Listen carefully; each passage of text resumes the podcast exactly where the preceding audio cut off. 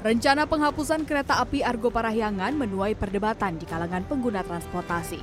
Wacana ini dilontarkan Menteri Koordinator Bidang Kemaritiman dan Investasi Luhut Binsar Panjaitan yang menyebut kereta Argo Parahyangan akan dihapus setelah beroperasinya kereta cepat Jakarta-Bandung.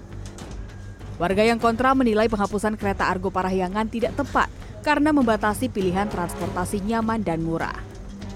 Kalau aku sih kurang setuju ya, soalnya kan orang-orang tuh nggak apa sih nggak banyak uang semuanya ya kayak gitu. Jadi kan kalau ada kalau kereta itu dihapus nanti kayak orang yang lansia kayak gitu kayak bingung kayak gitu. Yang udah nyaman ke kereta KAI jadi kereta listrik kayak ada perubahannya bener-bener gratis kayak gitu. Jadi kayak kurang setuju aja.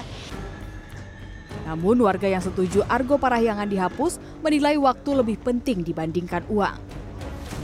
Setuju-setuju aja sih kak, karena kalau keefisienan waktu ya kak, soalnya kan aku kerja juga gitu, bolak balik kadang kita harus on time juga.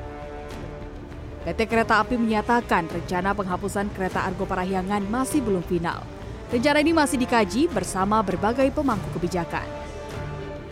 Nah kami kami juga sebagai operator yang sebagai BUMN juga tentunya akan mengikuti eh, arahan ataupun keputusan dari pemerintah. Intinya sekarang ke sebelum diputuskan apakah akan berhenti atau jalan, kami akan memberikan layanan yang terbaik kepada masyarakat pengguna jasa kereta api tersebut.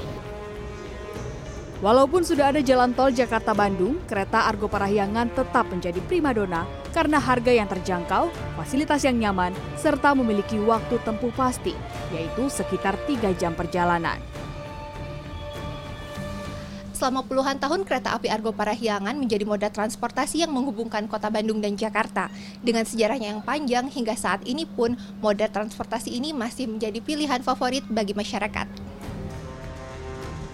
Kereta Argo Parahyangan melayani dua kelas, yaitu ekonomi dan eksekutif, dengan harga tiket berkisar Rp150.000 hingga Rp200.000. Tim Liputan, CNN Indonesia.